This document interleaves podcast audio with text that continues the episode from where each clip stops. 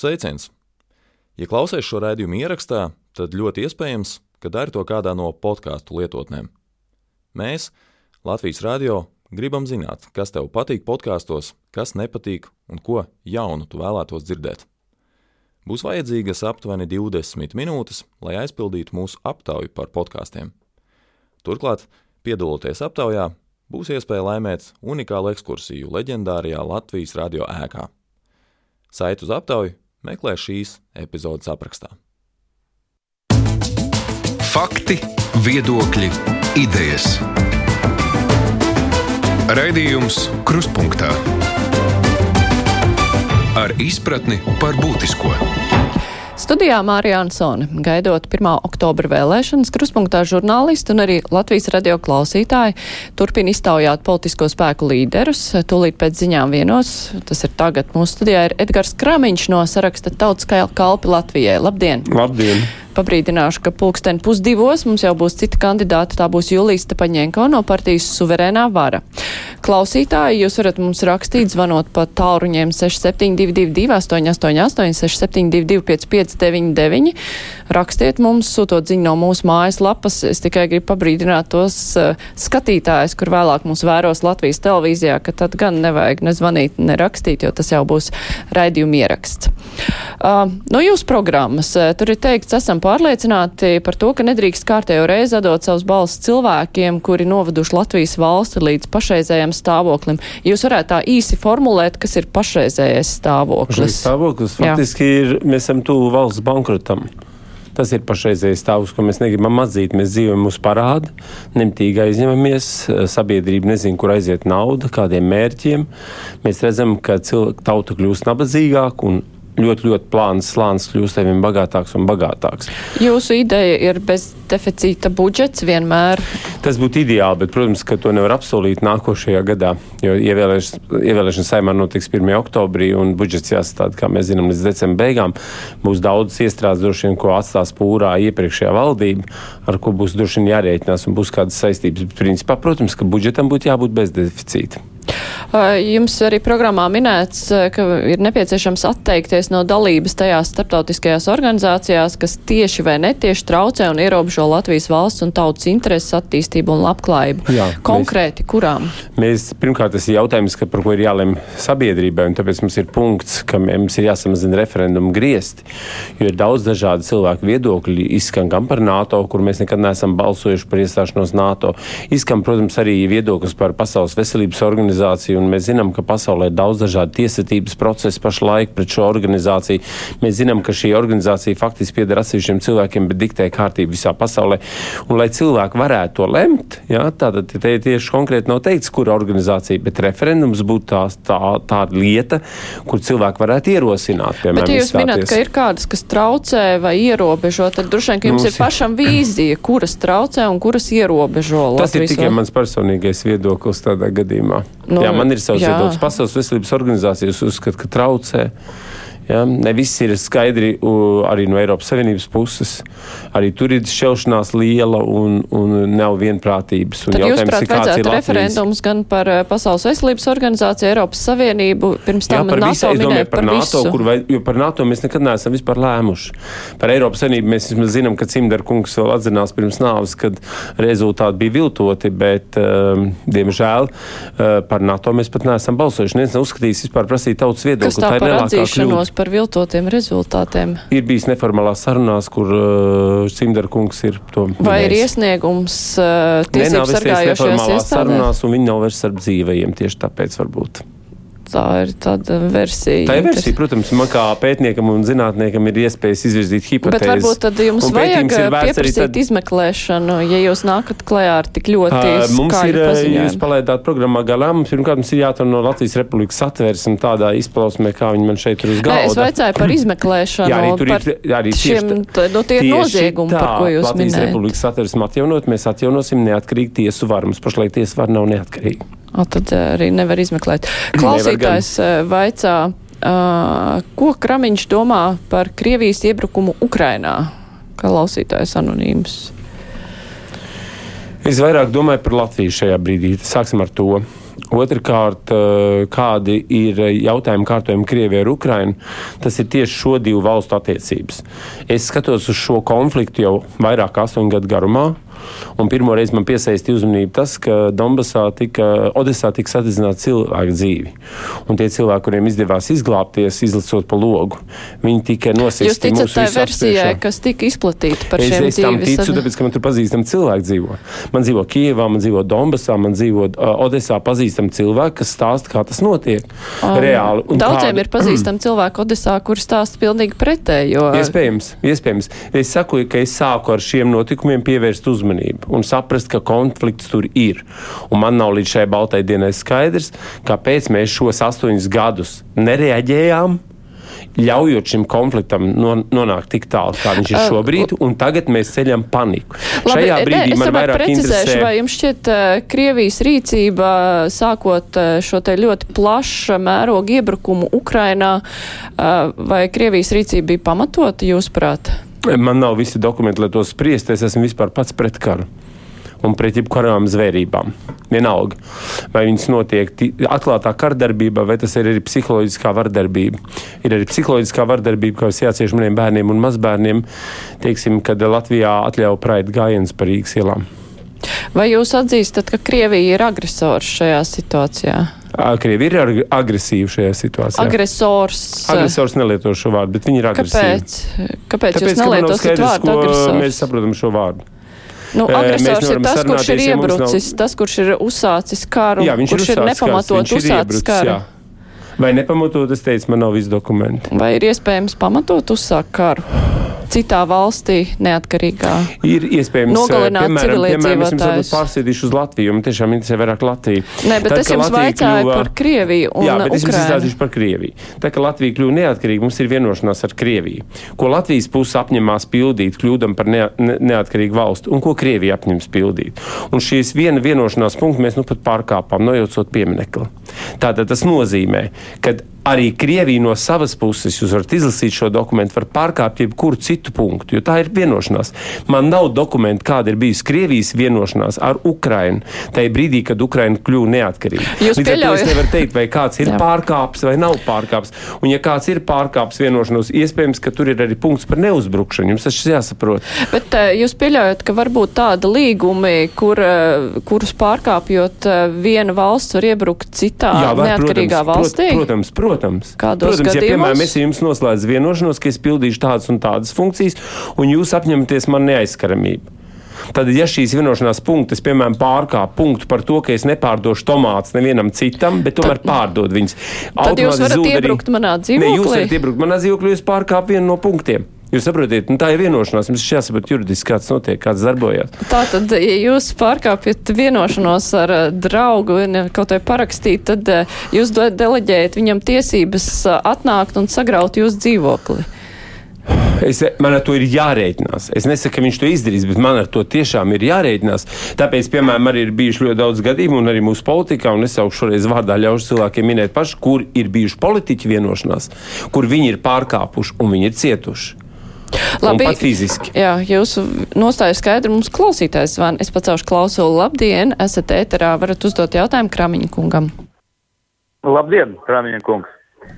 Jautājums tāds man ir.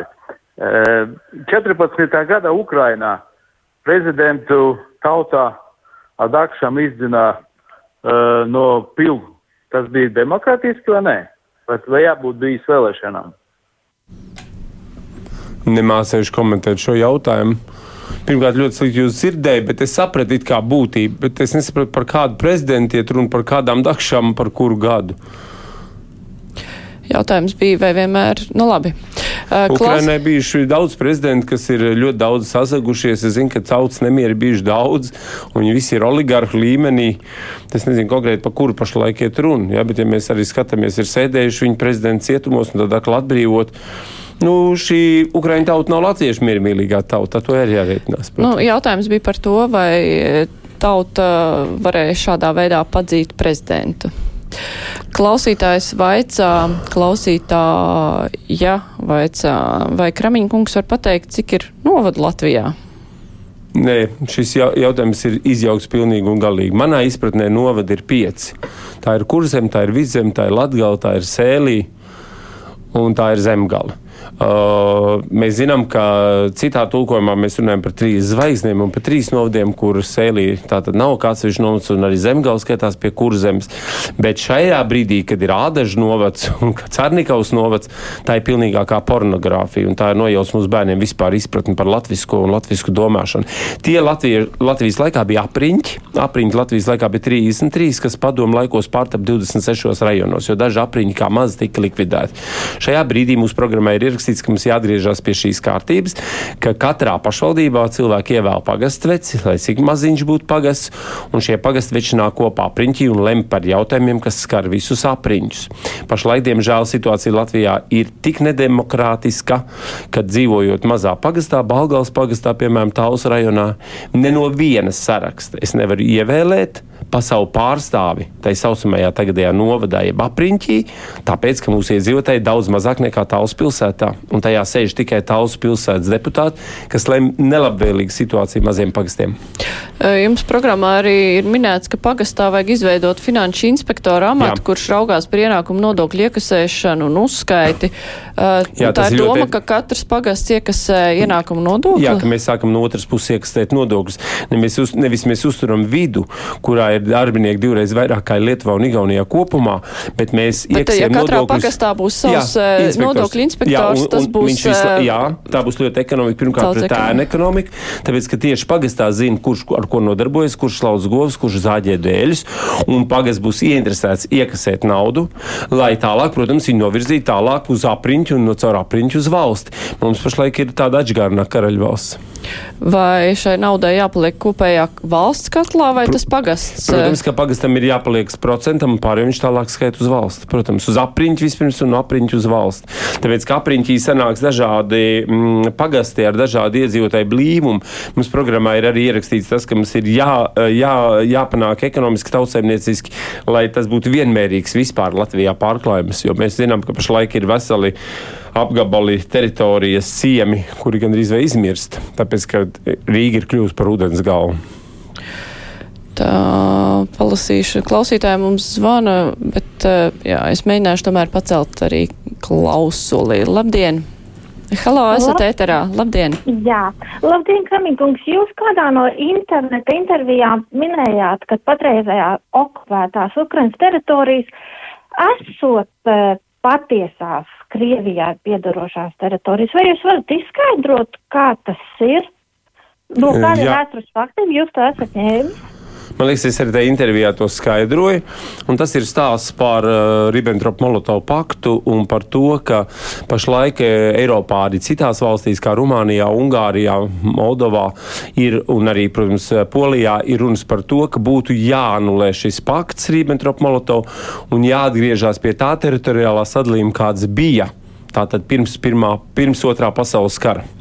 Un tādā gadījumā, protams, ka tajā gadā, ja mēs apsam šīs robežas, tad mēs ļoti skaidri redzam, ka tajā brīdī šīs Ungārijas, Moldovas teritorijas, ko, ar ko paplašinājās toreiz tā saucamais PSRS, nebija Ukrainas sastāvā. Līdz ar to arī Ukraina atdaloties no PSRS, tāpat kā Latvija, Lietuva un Igaunija, nevar pretendēt uz zemēm, kuras tiek nodotas citai valstī. Nu, tas ir ļoti sarežģīts moments, bet tieši tāpēc arī Ukrainas robežas ANO uh, dokumentos nav ieviestas skaidri. Jo t- 38. gadā Ukrainas teritorija bija samērā maza. Un mēs zinām, ka pievienoties. Pievienoties PSRS, mēs zinām, ka ļoti daudz PSRS vadītāju nāca tieši no Ukrainas, un viņu mērķis bija uztaisīt Ukrainu par vienu no bagātākām un varenākajām PSRS republikām. Un līdz ar to arī t- nu, viņu teritorijā nonāca tāpat saucamā Krīma.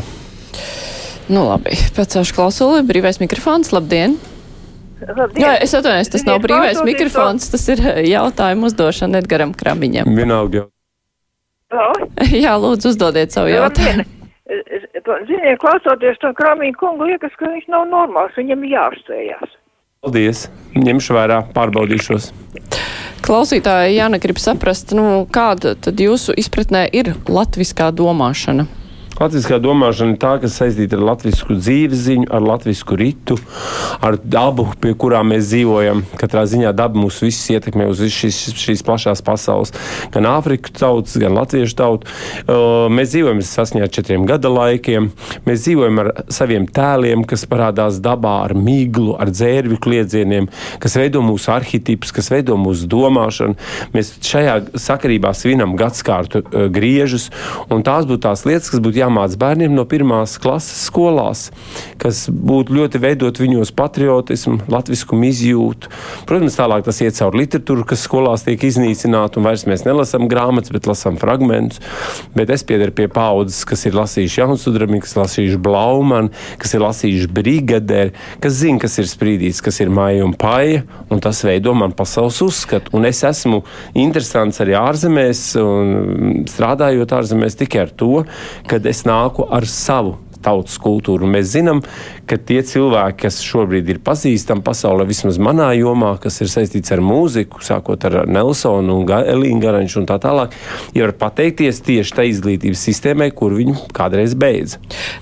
Jūsu programmā ir izglītības modelis, kas ir sakņots latviskajā dzīves ziņā. Tur ietilpst fizika, matemātika, protams, bioloģija, protams, viss paliek. Protams, jā. Tikai... Bet mēs jau zinām, ka matemātikas grāmatas, piemēram, kādreiz mēs stāstījām caur padomu piemēriem, tad mēs pārmainījām šos piemērus uz citiem, bet to var skaitīt, to var mācīt arī caur latvisko dzīveziņu, protams. Pacaušu klausulu brīv. Eh, visu laiku man gribas teikt Jā. brīvais mikrofons, bet tas ir jautājumi deputāta kandidātam Edgaram Kramiņam.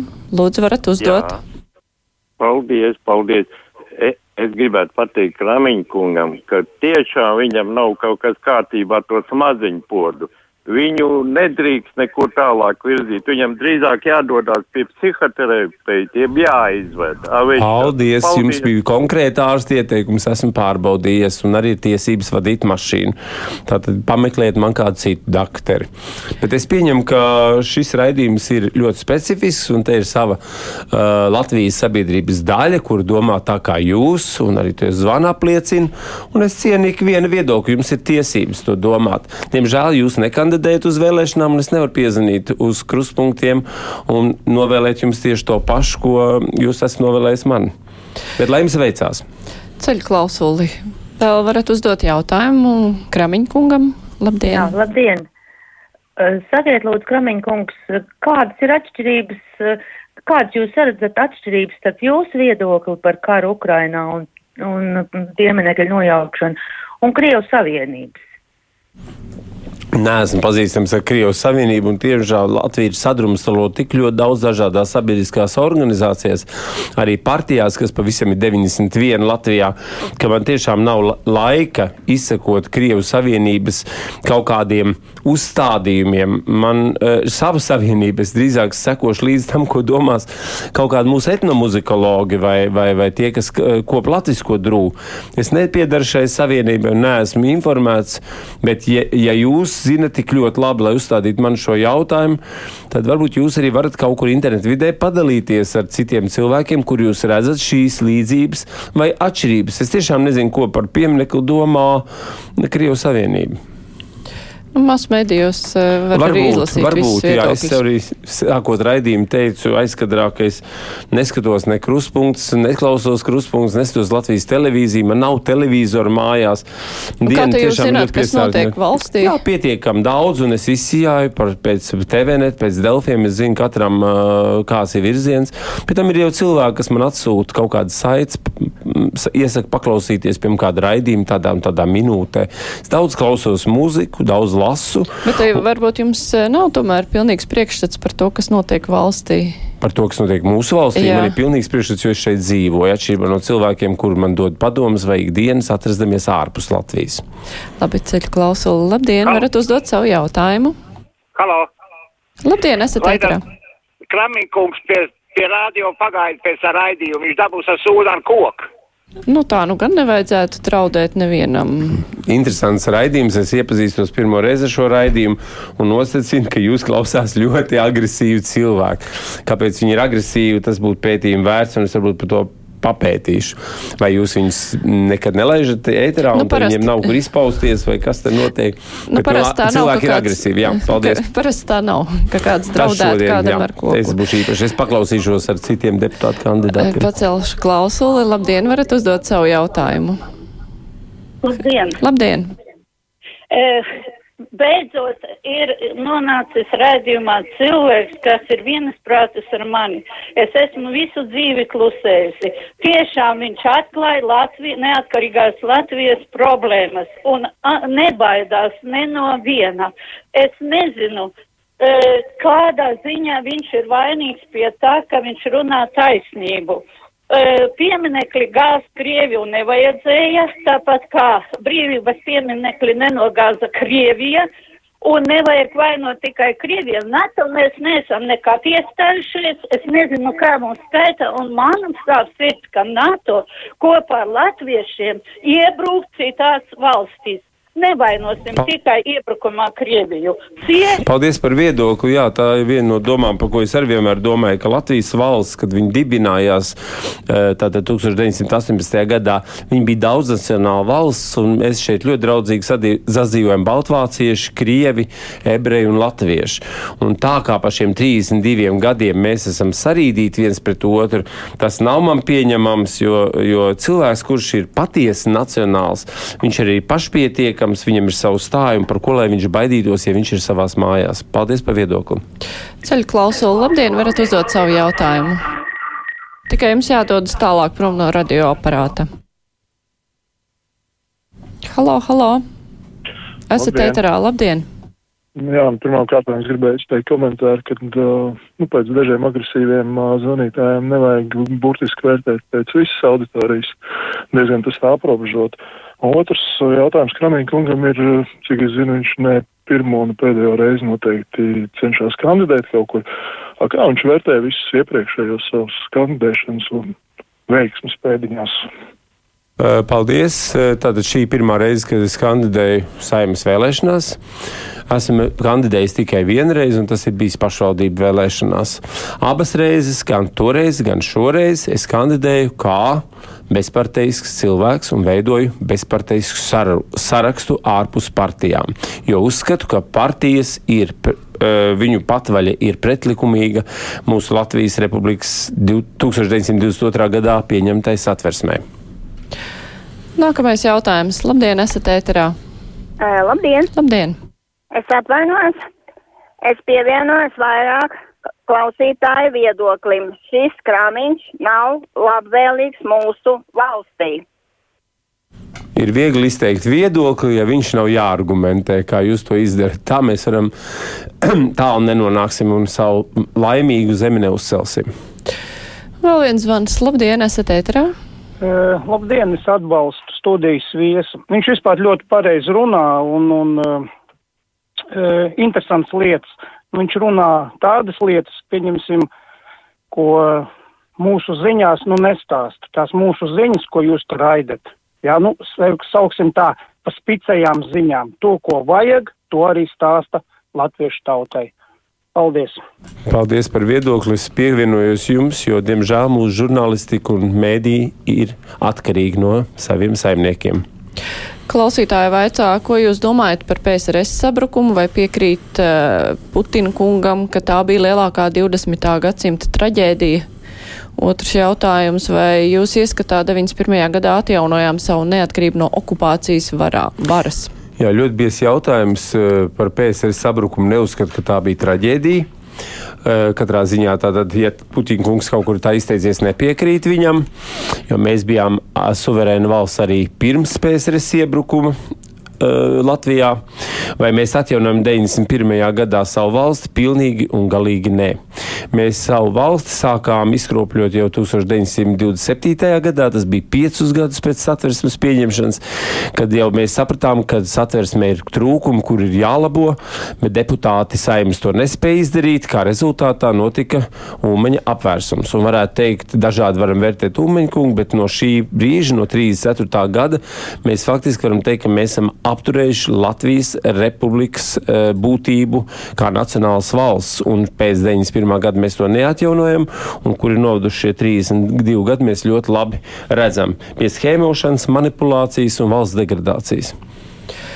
Klausītājs vaicā, kā jūs gribat panākt, lai cilvēki piedalās referendumās, ja īsti pat uz vēlēšanām neiet. Klausītājs par jums neko nezinot, bet daudz smejoties par jūsu uzskatiem. Jā, nu, tās ir katra tiesības, protams, un uh, kā mēs to cenšamies panākt. Ne ar to, ka uh, zvanām un izgāžam savus dusmas raidījumā kruspunktā, bet sākam reāli kā cilvēki kaut ko darīt lietas labā. Un mūsu aktivitāte ir arī mūsu vēlēšanās redzams, un es nebaidos teikt par patīk kādam vai nepatīk, bet pēdējos gados mēs zinām, ka vēlēšana aktivitāte ļoti, ļoti, ļoti saruka, un mēs redzēsim, ka šogad vēlēšana aktivitāte pieaugs uz kādu, pēc, ka, nu, kāds Tāpēc, pamats jums ka ir domāt? Viņš ir ļoti smieklīgiem uzskatiem. Cilvēkiem būs iemesls aiziet pabalsot. Nu, jā, te kāds cilvēks arī rakstīja, ka viņš dzirdot jūs iešot vēlēt, bet tomēr, lai neatdod savu balsi. Bet, nu, motivācija kādam dažādi bija arī atbalstītāji. Klausītājs vaicā, vai ir jāsod cilvēki par melīgas informācijas izplatīšanu. Jā, bet to ļoti grūti nošķirot. Jā, kur ir meli un kur ir manipulācija, ko īsti tieši nevaram pierādīt, ka tie ir meli. Jo ļoti bieži, kāpēc es arī cenšos neklausīties masu mēdīs, tāpēc, ka ļoti bieži jau mēs lasām uzmanīgi vai klausāmies, esot bijis. Tas apgalvojums neietver sevī, ka tas ir bijis, bet, diemžēl, veido dažu cilvēku prātos kaut kādas priekšstats par notikumiem. Jā, es teikšu paldies. Šodien kopā ar mums uh, bija Edgars Kramiņš, kurš kandidē no saraksta Tautas kalpi Latvijai. Uh, mēs tūlīt raidījumu turpināsim, un tad jau mūsu studijā būs uh, Julijas Tapaņenko no partijas suverēnā vāra. Pēc īsa brīža turpināsim. Paldies, Kramiņkungs. Paldies arī jums, jā, vislabāk. Raidījums Krustpunktā. 1. oktobrī vēlēsim saimu. Ko partijas un kandidāti izdarījuši un ko sola nākotnē? Klausies analīzi Latvijas radio ēterā.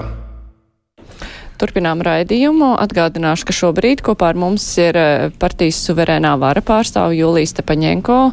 Mēs tātad turpinām eh, politiķu, partijas vadītāju un sarakstu līderu iztaujāšanu pirms gaidāmajām saimas vēlēšanām. Un šoreiz jautājums var uzdot arī klausītāji, zvanot uz mūsu ētera tāruņu numuriem vai arī sūtot ziņu no mūsu mājas lapas.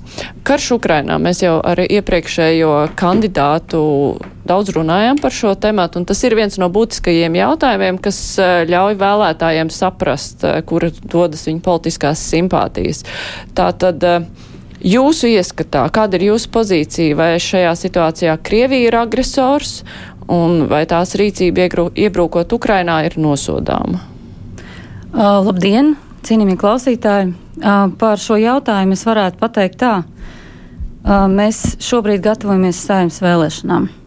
Un 19 politiskās partijas gatavojas savu piedāvājumu piedāvāt visiem Latvijas iedzīvotājiem, kuri var nobalsot. Šobrīd pirmais jautājums, kas tiek uzstādīts par citu valstu, par notikumiem citās valstīs, manuprāt, ir absolūti nekorekts. Jā, karš Ukrainā ir ļoti smagi skāris mūs, mūsu valsti, mūsu zemi, mūsu iedzīvotājus. Mēs redzam to rēķinos, mēs to redzēsim vēl vairāk ziemas rēķinos, un mēs cenšamies palīdzēt Ukraiņas bēgļiem maksimāli, lai viņiem būtu šeit labi. Bet, diemžēl, mēs redzam, ka daudz bēgļi dodas atpakaļ. Tāpēc, ka valsts atbalsts viņiem tiek samazināts. Un par to mēs varam runāt Latvijas kontekstā. Vai par pozīciju, kurš šajā karā ir agresors un kurš ir upuris, nav jārunā nemaz? Ukraiņas bēgļiem šobrīd šeit, Latvijā dzīvojot un gaidot palīdzību, ir pilnīgi vienalga. Ko domā katrs cilvēks, kas viņam iedod iespēju dzīvot ilgāk, pa vienu mēnesi, un kas viņiem dod iespēju paēst un pabarot savus bērnus. Tāda Tajā. ir skaudrā patiesība, un es to ļoti labi zinu. Tajā pašā laikā Latvija nav nodalīta no pārējās pasaules. Mēs esam starptautiskajās organizācijās, kuras kopīgi pauž viedokli par to, kāda ir pasaules kārtība, kādai tai vajadzētu būt, vai mums ir jāpaliek neitrāliem bez pozīcijas. Starptautiskās organizācijas un tās visas lielvalstis, kuras šobrīd, kuras jūs pieminējāt, Viņām bija ļoti lieliska iespēja novērst šo karu un nepieļaut šo asins izliešanu, kuru mēs visi vērojam šobrīd kopā ar jums, un kuras sekas ļoti ilgi vēl plēsīs brūces vaļā.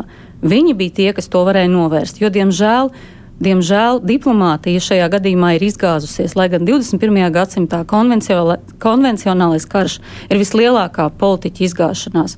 Un es šeit gribētu teikt, ka tā ir arī rietumu politiķa izgāšanās, jo mēs redzējām, kurš brauca uz Krieviju, kurš gāja uz ilgām sarunām un kurš nespēja to novērst. Klausītāji vaicā, kāpēc jūs vienmēr izvairāties no atbildes par Krieviju kā agresoru? Jo jūs nesat skaidri nekad teikusi, ka nosodāt Krievijas rīcību, sākot plaša apmēra iebrukumu Ukrainā un nogalinot civiliedzīvotājus. Šobrīd, valstī, šobrīd pasaulē ir ap 30 dažādi konflikti.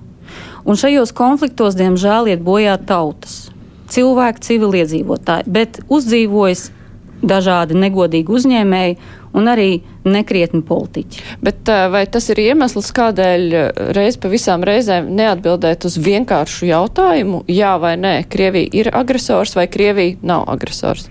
Neviens šobrīd neatrodas eksāmenā, kurā vajadzētu notestēt noteikti vienu atbildi A vai B. Jūs ļoti labi saprotat, pētot arī visus ģeopolitiskos notikumus, ka visi notikumi ir daudzslāņaini, kā tāda nu, diemžēl nevar teikt salīdzināt ar svētku torti šajā gadījumā, bet uh, šeit ir ļoti daudzas nianses, kuras mēs nevaram vienkārši pateikt jā vai nē. Visi pie tā ir vainīgi. Visas valstis, kuras to varēja novērst, kuri brauca, kuri mēģināja kaut ko sarunāt, mēs nezinām, ko viņi sarunāja, bet mēs redzam, ka gāze Latvijā ir visdārgākā, salīdzinot pat ar tiem, kuri šobrīd saņem it kā atbalstu. Nu, Jā, arī no šīs atbildes var izdarīt secinājumus klausītājiem. Protams, pacelšu, izdarīt savus secinājumus. Pacelšu klausuli. Labdien, varat uzdot savu jautājumu Jūlijai Stepaņenko. Eh, labdien! Eh, liels prieks, kad studijā Jūlija Stepaņenko. Un eh, Covid apstākļos, kad bija Covid-19 obligātā vakcinēšanās, mēs vismaz pedagoģu saima, tāda, nu, paliels bariņš atcerēsimies 1. oktobrī, par ko balsot, jo Jūlijas Tepeņenko bija vienīgā, kas, kas pati no saimas tiek iz, izmesta bez algas, un uh, viņa bija par to, ka nevar likt obligāti vakcinēties. Paldies, Jūlijas Tepeņenko! Paldies jums! Um, no jūsu programmas uh, jūs uh, rakstāt, ka nostiprināsiet dabiskas uh, nu, ka jūs vēlties nostiprināt dabiskas ģimenes jēdzienu Latvijas satversmē. Nu, pat notika parakstu vākšana, tur tika savākt 58 tūkstoši parakstu, nu, kas nav pietiekoši referenduma ierosināšanai. Tajā pašā laikā nu, tas slieksnis ir uh, ļoti augsts, lai ierosinātu referendumu. Pārāk augsts. Jā. jā. Vai jums šķiet, ka tomēr motivācija iet un balsot referendumā, ja šis slieksnis būtu zemāks, cilvēkiem būtu lielāka? Jo tomēr nu, šis jautājums ir tāds, kas nu, cilvēkiem ir sniedzis ļoti konkrētu vēlmi pateikt, vai nu par vai pret. Tas nav tāds jautājums, nu, par ko ir vienalga lielā mērā. Kāpēc būtu jāveic izmaiņas satversmē, ja cilvēki ir parādījuši, nu, ka viņi negrib parakstīties par to? Bet strādājot pie šo parakstu vākšanas atbalsta, mēs redzējām ļoti daudz lietas, un arī mēs izpētījām, ka, diemžēl, nu, arī sabiedriskie mēdī varētu mazliet vairāk palīdzēt šajā jautājumā, un arī CVK, tāpat kā informē par vēlēšanām, varētu vairāk informēt par to vispār, kādi, kādas iniciatīvas šobrīd ir atvērtas parakstīšanai. Tā kā tāda rullīša varētu būt tā tādas reklāmiņas sociālās, jo patiesībā ļoti daudz cilvēku reģionos pirmo reizi izdzirdēja, kad mēs jau līdz viņiem aizsniedzāmies jau pēc septiņiem mēnešiem, kad paraksta, parakstīšana bija atvērta. Viņi nezināja, viņi nedzirdēja par to. Viņi nezināja par iespēju, kā viņi var parakstīties, ja viņiem nav Latvija LV. Viens sirds kungs cēsīs brauca divas reizes uz uh, parakstīšanās vietu pie cilvēkiem, kuri šie parakstu vācēji no pašvaldības, jo viņš nevarēja samaksāt ar karti divus eiro valsts nodevu par to, ka bija ieskatīšanās fizisko personu reģistrā, lai viņš varētu so šo parakstu atstāt. Un viņš otro reizi brauca un lūdza palīdzību, lai kāds cits viņa vietā samaksā. Viņam nav tās kartes, viņš nav izņēmis karti. Un tādas, šādi apstākļi Latvijā tieši reģionos ir spilgti parāda to, ka, nu, diemžēl, valsts nav interesēta parādīt Latvijas iedzīvotājiem, parakstīstīgiem pilsoņiem iespēju par savām tiesībām iestāties, un uh, mūsu partija suverēnā vāra tieši iestājas par satversmes otrā panta atdzīvināšanu, atdot atpakaļ tās tiesības, kas tautai patiesībā piemīt, parādīt ar pirkstu un vēl, protams, atjaunot vēl vairāk. Atbalstot arī tautas vēlēt prezidenta institūtu ieviešanu un jauktu saimnes vēlēšanu sistēmu. Pacaušu klausulu, labdien, varat uzdot savu jautājumu. Halo, labdien! Uh, man dzird? Jā, jā, jūs esat ēterā. Jā. Uh, gribēju vaicāt uh, Julijai tādu lietu, uh, jūs neesat sajaukusi valstis, jo konkrēti uz nevienu jautājumu konkrēti jūs neatbildat. Jūs visu laiku atrodat kaut kādu apceļu, bet konkrēti uz nevienu jautājumu jūs vēl neesat atbildējis. Jums ir tāda. Paldies! Es esmu dzimusi Latvijā, visu savu mūžu esmu nodzīvojis Latvijā tieši tāpat kā mani senči. Es ļoti labi zinu, kas mums visiem sāp un kas arī jums sāp. Un tad, kad mēs satiksimies ar jaunu saimu, un tad, kad uh, jauna saima nedod dievs, atkal būs citā sastāvā, ne tā kā mēs būtu gribējuši. Arī jūs noteikti sūdzēsieties par to, ka atkal nodokļu reforma ir iegriezusi robu jūsu budžetā. Klausītājs vaicā, ko jūs domājat par ideju izveidot no Krievijas neatkarīgu Latvijas pareizticīgo baznīcu? Jā, man ir uh, tiešām liels pārsteigums, ka mūsu prezidents tā vietā, lai sasauktu krīzes vadom, vadības padomus sēdi par energoresursu krīzi, krīzi cenās, uh, ir uh, rakstījis likumu. Izrādās visu šo laiku viņš ir rakstījis likumu, un uh, ceturtdien mēs uh, šo likumu acīm redzot arī pieņemsim steidzamā kārtībā, kā tas ir pieņemts 13. saimā. Uh, es uzskatu, ka šāda sasteigta rīcība, nesagaidot baznīcas sinodas lēmumu, protams, liecina par kārtējo vēlmi provocēt, mudināt uz kaut kādām negācijām. Man tas šobrīd nav saprotams vispār. Kāpēc, kāpēc prezidents nedomā tiešām par tautu, kāpēc prezidents nedomā par to, kā palīdzēt? Jo mums vislielākā problēma ir nevis Krievijas pareizticīgo baznīcas jautājumu, bet tas, kādi rēķini mums būs oktobrī. Man parādīja, kādi salīdzinot ar uh, pagājušā gada augusta rēķinu, šo augustu jau rēķinu. Un tas ir jau četras reizes vairāk. Un tas ir tikai augusts. Un kas būs oktobrī un novembrī? Bet par to neviens neuztraucās šeit, koalīcijā. Tieši par to arī vaicā cits klausītājs, vai jūs, prāt, tiešām valstī nav lielāka problēma kā ģimenes definīcija, kuras uh, izmaiņas nevienam nekā nepalīdzēs? Tātad mūsu 4000 zīmju programma, ar kuru es aicinu arī visus iepazīties, jo tā tika atzīta arī atsevišķo ekspertu domās par labāko, ir ļoti daudz jautājumu, kas skar tieši sociālo jomu, kas skar palīdzību ģimenēm. Un ģimenes definīcijas noteikšanas satversmē ietver sevi arī demogrāfijas sadaļu, ļoti nopietnu demogrāfijas sadaļu Latvijas Republikas satversmē, nosakot, ka arī vientuļie vecāki ir atbalstām, arī vecāki, kur audzina bērnu ar invaliditāti, ir atbalstām. Un arī daudz bērnu ģimenes. Un tas viss ir jā, jāiestiprina satversmē, jānostiprina tā, lai mums nebūtu katru reizi pēc katras nodokļa reformas brīnums, ah, jē, kā tad tā, 7% no ģimenēm atkal ir skarti, un mēs viņiem tad izdomāsim kaut kādu citu atbalsta veidu. Šādas lietas nedrīkst notikt. Mums ir jābūt prioritātei tieši ģimenei.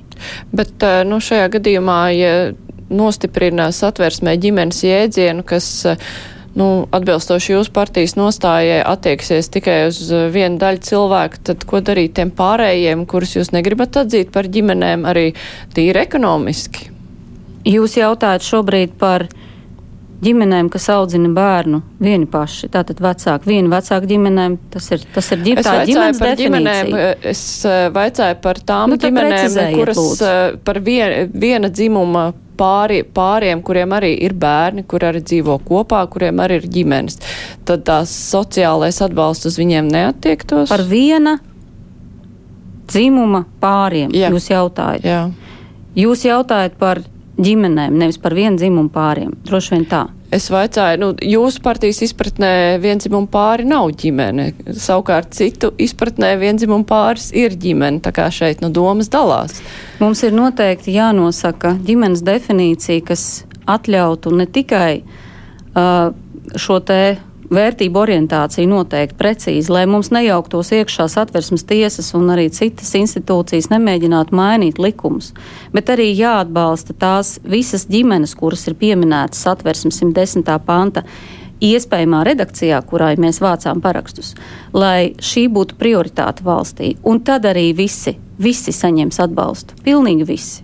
Arī vienzimuma pāri. Viens bērniem. cilvēks, kas dzīvo Ā, kopā ar viņi- bērnu. Un tad tas cits cilvēks skatīsies kā nepieciešams. Es nezinu, kā viņi tur mēģinās to saskaitīt, bet patiesībā mūsu nostāja, ka bērniem nevajadzētu būt adoptētiem vienzimumu ģimenēs, un tas ir pilnīgi skaidrs. Nu, labi, skaidra doma. Pacelšu klausulu klausītājs zvana. Labdien, varat uzdot savu jautājumu? Labdien! Uh, nu jā, man ļoti vieši nepatīk, kā pateica par Ukraiņu bēgļi, ka viņiem esot vienalga, kurā valstī, kas viņiem dod to patvērumu, kur mīt, nu, pilnīgs aplīgs. Ukraiņiem pilnīgi noteikti nav vienalga. Tas liecina arī kaut to, ka Ukraiņi, Krievi, kas dzīvo Ukrainā, vairs nevēlās runāt krieviski. Tikai ukraiņiski, lai gan nu, viņi pat īsti, viens otrs es redzēju, kur īsti nemāk pat ukraiņiski, bet ļoti cenšas. Krieviski vairāk nerunāšot. Tas ir viens no otrs. Protams, nu jā, nu, Stepaņenko kundze ļoti izvairās no visādiem, lai, lai kaut ko pateiktu, ko domā par Krievijas iebrukumu. Varbūt viņi vismaz var pateikt, ko viņi domā par tiem Krievijas māksliniekiem, Pugačova, Galkins, tur, kas, bija vēl Grabenščikovs, Makarēvičs, kas iet, kas izsakās pret Putinu. Kā viņus es gribētu norādīt uz neprecizitāti, jo man vārdi tika sagrozīti. Es neteicu, ka Ukraiņiem pilnīgi vienalga, kādā valstī viņi saņem atbalstu. Es redzu, ka, diemžēl, šobrīd uh, tendence sabiedrībā ir tāda, ka nu, jau Ukraiņu bēgļiem liek runāt latviešu valodā. Un uh, sāk, sāks aizvainojums pret viņiem, kāpēc viņi nepasveicināja man latviešu valodā. Es ienācu pie viņas kafejnīcā, un viņi ar mani runā tikai krievu valodā. Šāda attieksme pret cilvēkiem, kas ir atnākuši, atnākuši, atbraukuši uz Latviju, paglāpties no šausmām, ir absolūti nepieņemama. Un tāds ir mans viedoklis. Klausītāja jautājums bija mazliet citādāks. Nu, tas uzstādījums, ka nevis uh, Ukraiņiem ir vienalga, kāda valsts viņiem sniedz palīdzību, bet valsts nostāja pret to, kurš ir vainīgs šajā Jūs tiešām karā. domājat, ka cilvēki, kas ir atbēguši no kara, kuriem mājas ir sabumbotas un grūtniecības sieva pie, pie sāniem sēž bēgļu centrā, viņi tiešām skatās un domā, vai tiešām jūs esat pietiekoši nosodījuši karu, lai mēs te sēdētu. Es strādāju bēgļu centrā, es zinu, kas tur Es notiek. zinu, es arī. Brīnišķīgi. Ļoti Esmu labi. tur strādājis, tagad pēdējā laikā nē. Bet uh, tieši šiem cilvēkiem arī daudziem ir ļoti svarīga tās valsts attieksme pret to, kurš ir vainīgs šajā karā. Nē, viņiem ir svarīgi saņemt atbalstu. Un Ne daudzi, tikai. daudzi ukrāņi raudādam brauc mājās, jo viņi saka, paldies jums liels par visu, ko Latvija priekš mums ir darījusi, bet mēs tiešām vairs nevaram šeit izdzīvot, jo diemžēl tiešām nav šīs iespējas vairāk tik lielas. Un tas ir tas, kas mums būtu jādara pirmām kārtām, nevis jāvicinās ar karodziņiem. Pirmām kārtām palīdzēt cilvēkiem, kas ir cietuši no kara. Tas ir pats galvenais. Vai vienreizēja pozīcijas paušana ir vicināšanās ar karodziņiem? Es redzēju ļoti daudz āršķirīgus gājienus, un plakātu vicināšanas un piketus, kas nepalīdzēja Ukraiņiem ne par gramu. Tur arī droši vien domas dalās klausītājs zvana brīvē. Eh, piedodiet, Julijas Tepaņenko atbildēs uz jūsu jautājumu, ja uzdosit. Jā, es gribēju teikt, ka no saimas tribīnas jūs jau janvārī pie augstas saslimšanas aicinājāt atcelt maskas un vakcinēšanos.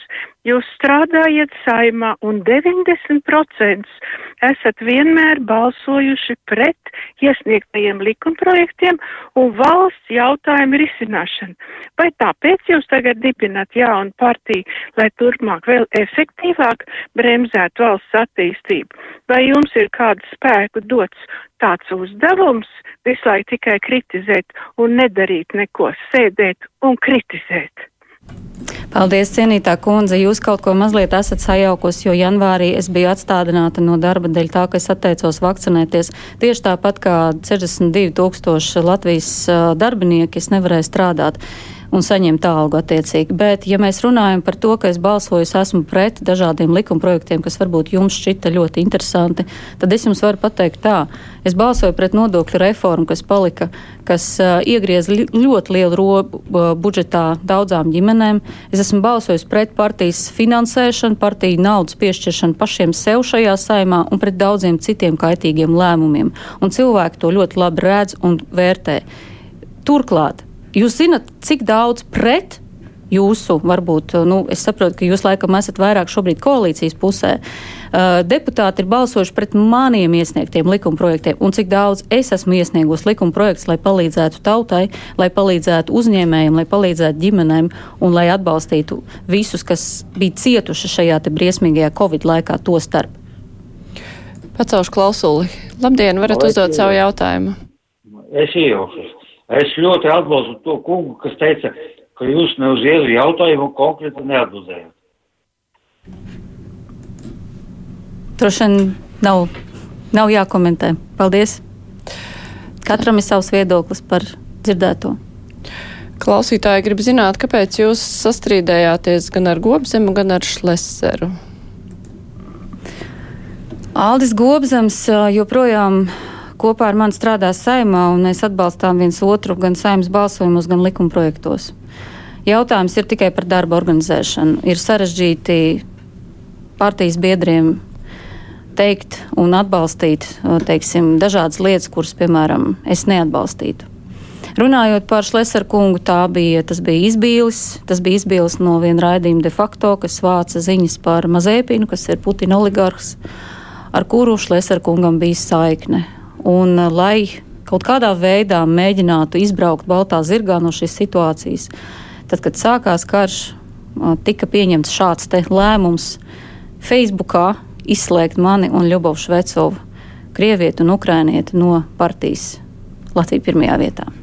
Es, starp citu, ilgstoši vēl biju palikusi partijas valdē, valdes priekšsēdētāji, jo neviens nepamanījās veikt attiecīgās juridiskās korekcijas, jo priekš valdes priekšsēdētājas izslēgšanas ir nepieciešams kongresa lēmums, kas attiecīgi, protams, netika sasaukts, jo ļoti daudzi biedri bija pret šādu lēmumu Facebookā izslēgt mani. Un vēl es, protams, šobrīd pateikšu, tas ir jaunums. Šlesarkungs mani ir saucis arī atpakaļ pirms kāda laika. Tad, kad viņš dzinās pakaļ Mairim Briedim. Pacaušu klausuli. Labdien, varat uzdot savu jautājumu. Labdien! Labdien! Es gribēju pateikt tādu lietu, ka ne jau Ukraiņi tāpēc brauc projām, ka nevar izdzīvot, bet viņi ļoti mīl savu dzimteni, savu zemi, savu tautu. Atkarībā no Krievijas, Krievijas savus karavīrus beigtus tur ir pametus, lai pūs, lai suņēd, kauna lieta Krievijai, bet Ukraiņi ļoti mīl savu dzimteni, viņi visi raujās uz turieni. Nu, es domāju, ka es piekritīšu vienai daļai jūsu apgalvojumu, ka Ukraiņi tik tiešām ļoti mīl savu zemi un viņi ir gatavi. Uh, viņi ir gatavi, viņi, viņi ļoti grib braukt atpakaļ. Arī tad, kad viņi bija atbraukuši, tikko viņi gribēja atgriezties. Bet uh, nu, tās negācijas, ko jūs tikko pieminējāt, droši vien, ka es tādas salīdzinājumus nepieminētu. Klausītāji grib saprast, tad jūsu nostājas atšķirība no Tatjana Ždanokas ā, nostājas.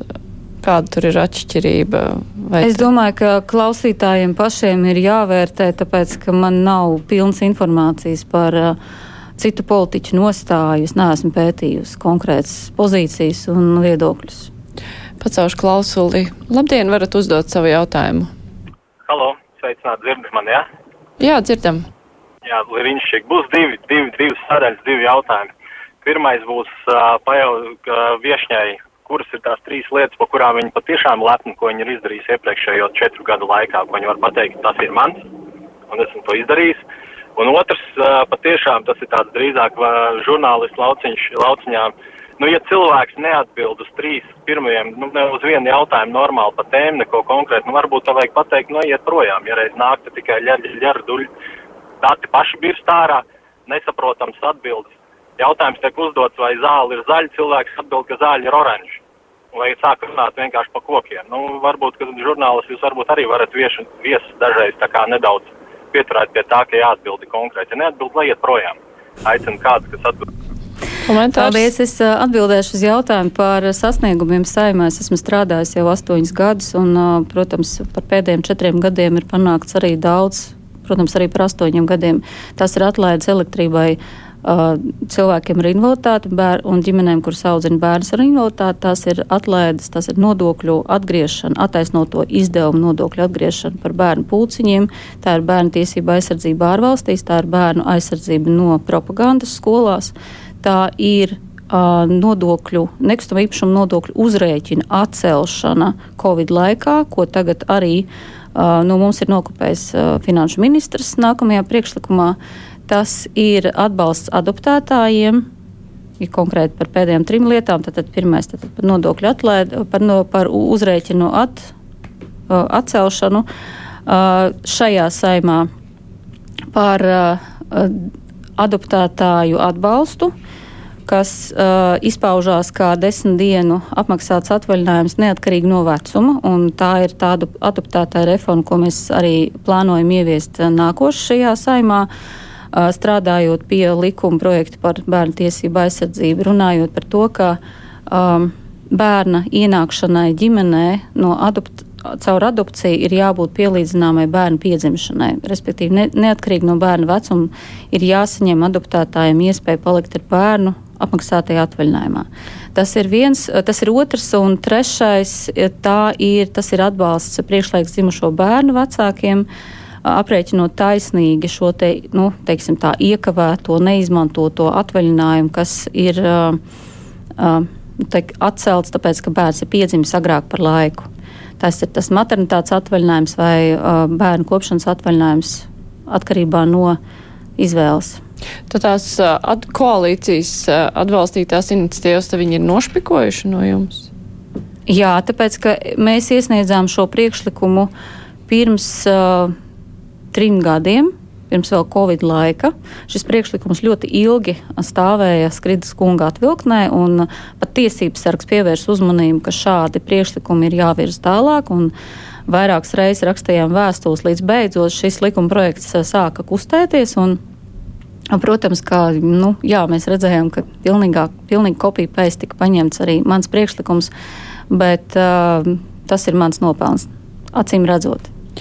Klausītājs Aleksandrs raksta, ka viņš aktīvi brauc ar autobusu Tallinn Rīgu un pēdējos sešus mēnešus šo maršrutu arī izmanto bēgļi no Ukrainas. Pēc viņa personīgās pieredzes izkārtie karogi televīzijas tornī un uz privātu mājām vienmēr tiek uztvērti ar prieku un sajūsmu no Ukraiņu puses. Arī šāds atbalsts klausītājs norāda, arī karogi ir vajadzīgi un uh, nostājas paušana ir svarīga cilvēkiem, kuri te ir ieradušies. Tas Cilvēki, kuri šeit ir ieradušies, ir svarīgi ne tikai nostāja un karogi, bet droši vien, ka pie katras vidusskolas un bērndāras karogi šajā gadījumā daudziem Latvijas iedzīvotājiem jau, jau paliek neskaidrs, vai viņi dzīvo Latvijā, vai viņi tomēr nedzīvo Latvijā. Tas ir arī, tas ir arī jāņem vērā. Bet kas ir pats svarīgākais? Tas ir tiešām atbalsts, tas ir reāls atbalsts Ukraiņu tautai. Nu, vēl pēdējais, diemžēl pēdējais komentārs nesenāk. Atslēdzās jau klausītājs. Arī Zana raksta, ka Ukraiņi ļoti novērtē Latvijas palīdzību un regulāri to apliecina. Un klausītāji ir sašutusi, kāpēc jūs neatbildat tomēr konkrēti uz jautājumiem. Un tas ir sašutums, kas ir nācis no ļoti daudziem visiem jautājumiem. Izņemot uz šo jautājumu par to, kurš ir agresors šajā karā, vai arī kāpēc jūs, vai tas ir tāds principi jautājums neatbildēt, vai Krievija ir agresors vai nav agresors? Es atbildēju uz visiem jautājumiem, kas man tika doti. Ne, bet jūs neatbildējat uz jautājumu, vai Krievija ir vai nav agresors? Mana atbilde tika sniegta pirms vairākām minūtēm. Nu, jūs atbildējāt, ka, ka Var, šajā... Es neesmu eksāmenā un šeit nav kaut kāds tests. Piedodiet. Jā, labi. Nu, es domāju, ka klausītāji varēs arī izdarīt secinājumus. Klausītāji ir gudri, viņi izdara pareizes secinājumus. Tieši Paldies tā, jums. un uh, būs gan tādi, kuriem tieši šī nostāja ir nepieciešama un kuri vēlēsies balsot uh, par jums vēlēšanās, kā arī gluži pretēji. Tā kā, tāpēc arī ir mūsu raidījumi, lai klausītāji varētu izdarīt savas izvēles. Un mēs arī turpināsim deputātu kandidātu iztaujāšanu. Mēs aicinām, protams, sarakstu līderus vai partiju līderus, kuri nāk un atbild atbildēt, atbildēs uz jautājumiem. Un rīt Tad šajā studijā būs Imants Burvis no Kristīvi progresīvās partijas un Andrejs Klemeņķevs no Sociāldemokrātiskās partijas saskaņa.